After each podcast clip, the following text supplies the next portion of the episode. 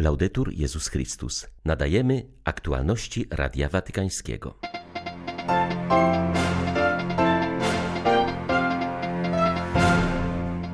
Mądrość krzyża uczy nas, jak ewangelizować w stylu bliskim człowiekowi, napisał papież w liście do pasjonistów, którzy obchodzą jubileusz trzechsetlecia istnienia zgromadzenia. W Warszawie trwa międzynarodowa konferencja na temat ochrony nieletnich. Dziś dyskutowano o problemie nadszarpniętego zaufania do kościoła i biskupów oraz o sposobach ochrony osób, które doświadczyły nadużyć. Ojciec Święty mianował biskupa Krzysztofa Włodarczyka, dotychczasowego biskupa pomocniczego diecezji koszalińsko-kołobrzeskiej, biskupem diecezji bydgoskiej. 21 września witają Państwa Marek Krzysztofiak i Łukasz Sośniak. Zapraszamy na serwis informacyjny. W Warszawie trwa międzynarodowa regionalna konferencja na temat ochrony nieletnich w kościołach Europy Środkowo-Wschodniej. Dziś rano poruszono bolesny temat nadszarpniętego zaufania do Kościoła, a w szczególności do biskupów. Wprowadzeniem do obrad w małych grupach była prelekcja księdza Grzegorza Strzelczyka. Skupił się on na teologicznym wymiarze konsekwencji nadużyć seksualnych. Podkreślił, że właściwa reakcja kościelna na dramaty osób zranionych nie będzie w pełni możliwa bez pewnych korekt o charakterze teologicznym. Jego zdaniem niezdrowe akcenty ludowej wersji teologii sakramentu święceń czyniły niektórych poszkodowanych jeszcze bardziej bezbronnymi oraz prowadziły do niewłaściwych reakcji bliskich, jak i wspólnot i struktur kościelnych. Ksiądz Grzegorz Rzeszowski, delegat arcybiskupa gnieźnieńskiego do spraw ochrony nieletnich przyznaje, że problem nadszarpniętego zaufania wiernych to jedno z głównych wyzwań stojących obecnie przed Kościołem. Rzeczywiście w ostatnim czasie mieliśmy kilka spektakularnych wyroków dotyczących y, i biskupów, i księży. Jest to coś, co jest zawsze jakieś trudne i raniące. Natomiast oczywiście trzeba też na to spojrzeć no, z jednej strony mądrze i roztropnie. Natomiast no, każde zaniedbania czy każdy problem jest trudny i jest bolesny i on ma prawo nadszarpnąć zaufanie świeckich wiernych y, do Kościoła, a także do Kościoła instytucjonalnego. Y, jest to duże wyzwanie, przed którym nie można się bronić czy blokować, albo mówić, że nas to nie dotyczy lub szukać wymówki, że gdzie indziej jest jeszcze gorzej. Jest to coś, co zawsze jest wezwaniem do jakiejś refleksji. Jest to na pewno jakiś bolesny cios i dla Kościoła, i myślę, że dla wielu wiernych, ale taki cios, którym dobrze byłoby, gdybyśmy się nie tyle załamywali, obrażali, że tak się dzieje, natomiast umieli z tego odczytać jakąś mądrą lekcję i zaproszenie do tego, żeby y, pójść głębiej, szukać nowego, głębszego oblicza Kościoła, rozumienia siebie w tym Kościele, odnajdywania w nim swojego miejsca, stylu życia, posługiwania. Popołudniowa sesja konferencji jest poświęcona działaniom mającym na celu ochronę i kontakt z osobami, które doświadczyły nadużyć.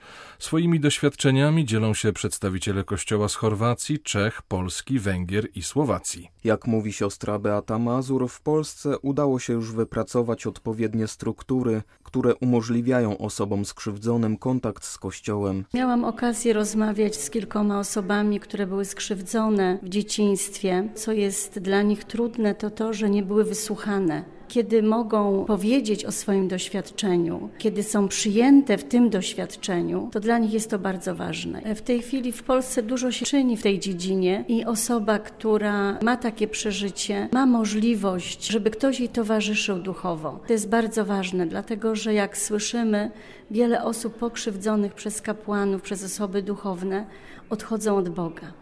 I to jest ogromny ból. Tracą w życiu to, co jest takie ważne wiarę, relacje z Bogiem.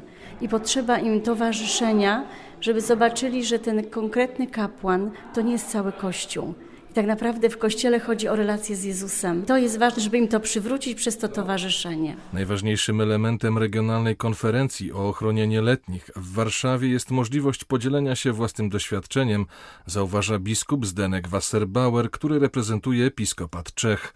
Chciałem wiedzieć, jak się tym zajmują kościoły w innych krajach, jakie są ich pozytywne i negatywne doświadczenia, opowiada Radiu Watykańskiemu pomocniczy biskup Pragi i wikariusz generalny tamtejszej archidiecezji. Przedstawiciele kościołów w Europie Środkowo-Wschodniej uzyskali też informacje, jak współpracować ze świeckim wymiarem sprawiedliwości. W tym względzie szczególnie ważna była prelekcja polskiego sędziego profesora Pawła Wilińskiego, zaznacza biskup Wasserbauer. Przyznaje zarazem, że kluczową kwestią zawsze pozostaje kontakt z ofiarami. On sam spotkał się z nimi wielokrotnie. Są to setkání, dovolím si říct, nesmiernie zajímavá. Są to bardzo ciekawe spotkania, ale zarazem bardzo trudne i wymagające.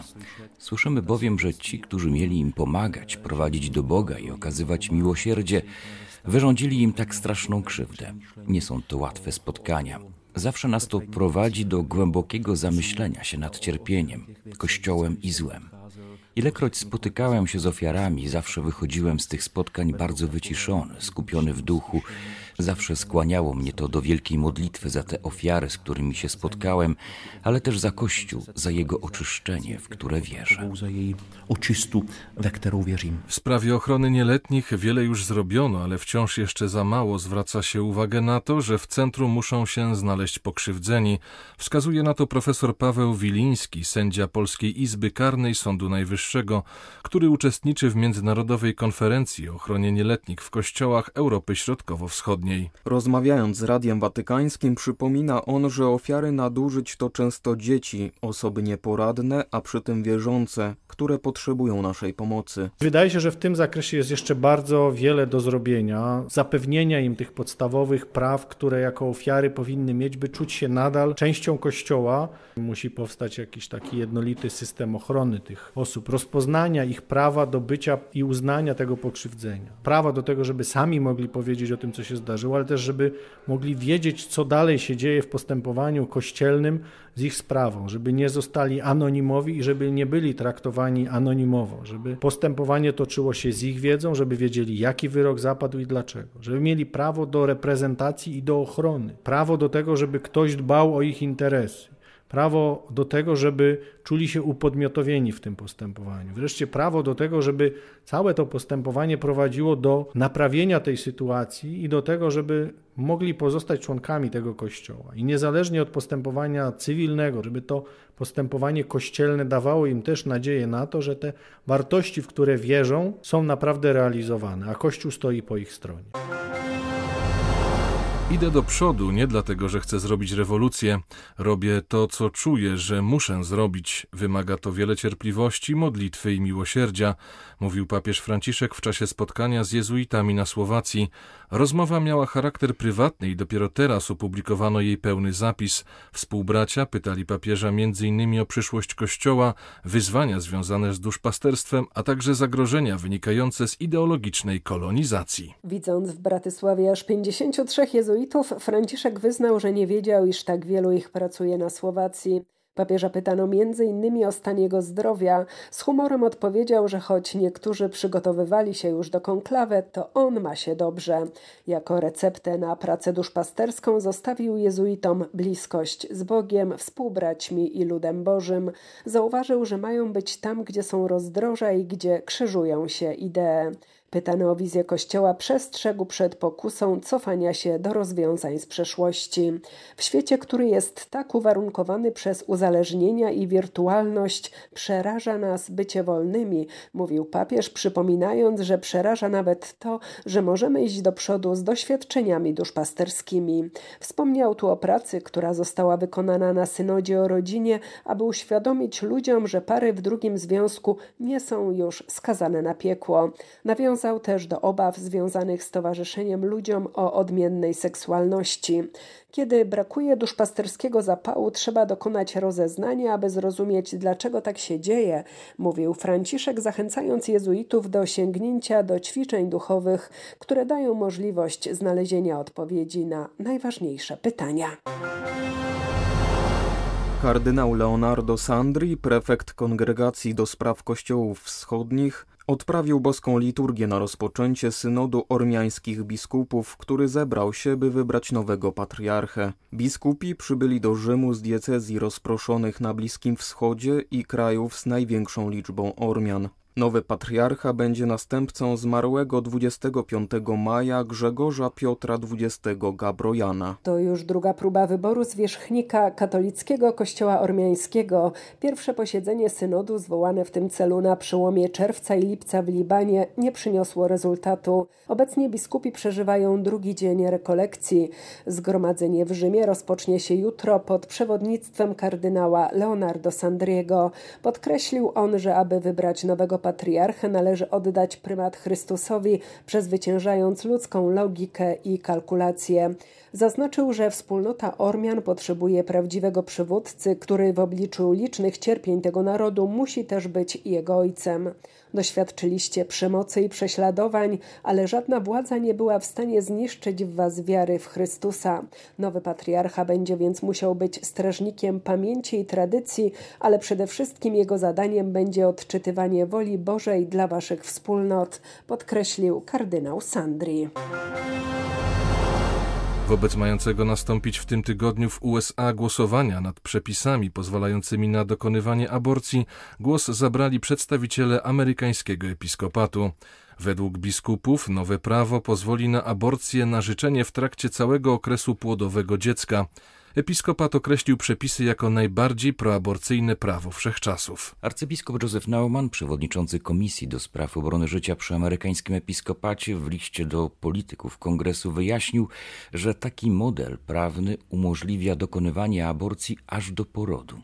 Prawo w postulowanym kształcie udostępni aborcji na żądanie w całym kraju na mocy ustawy federalnej, zastępując tym samym przepisy stanowe. Przypadku wejścia w życie ustawy wszyscy Amerykanie zmuszeni byliby do wspierania aborcji przez podatki, a pracownicy służby zdrowia musieliby jej dokonywać między innymi wbrew swoim przekonaniom religijnym.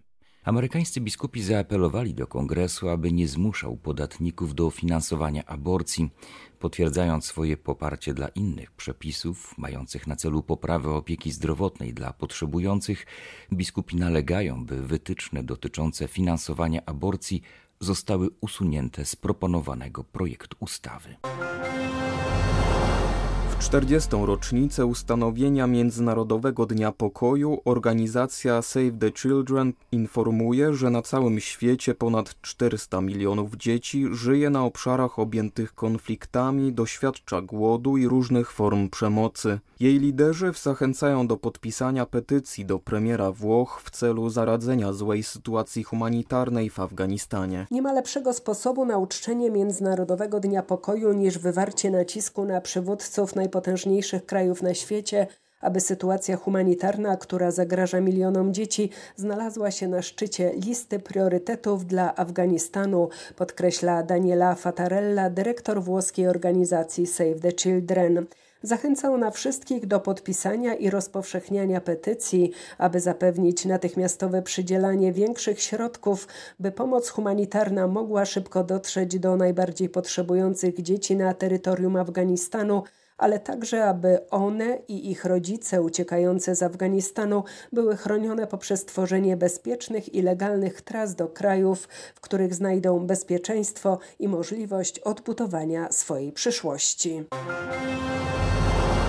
Ojciec Święty mianował biskupa Krzysztofa Włodarczyka, dotychczasowego biskupa pomocniczego diecezji koszalińsko-kołobrzeskiej, biskupem diecezji bydgoskiej. Biskup Krzysztof Włodarczyk urodził się w 1961 roku w Sławnie. Na swojej pierwszej placówce wikariuszowskiej poznał ruch Światło Życie, którego był moderatorem w późniejszych latach. Pracował jako dyrektor domów rekolekcyjnych oraz duszpasterz rodzin. Ukończył studia w zakresie teologii pastoralnej na Uniwersytecie Kardynała Stefana Wyszyńskiego w Warszawie i obronił doktorat na temat duchowości małżeńskiej i rodzinnej we współczesnych ruchach rodzinnych w Polsce. 7 maja 2016 roku papież Franciszek mianował księdza Krzysztofa Włodarczyka biskupem pomocniczym diecezji koszalińsko-kołobrzeskiej. Były to aktualności Radia Watykańskiego. Laudetur Jezus Chrystus.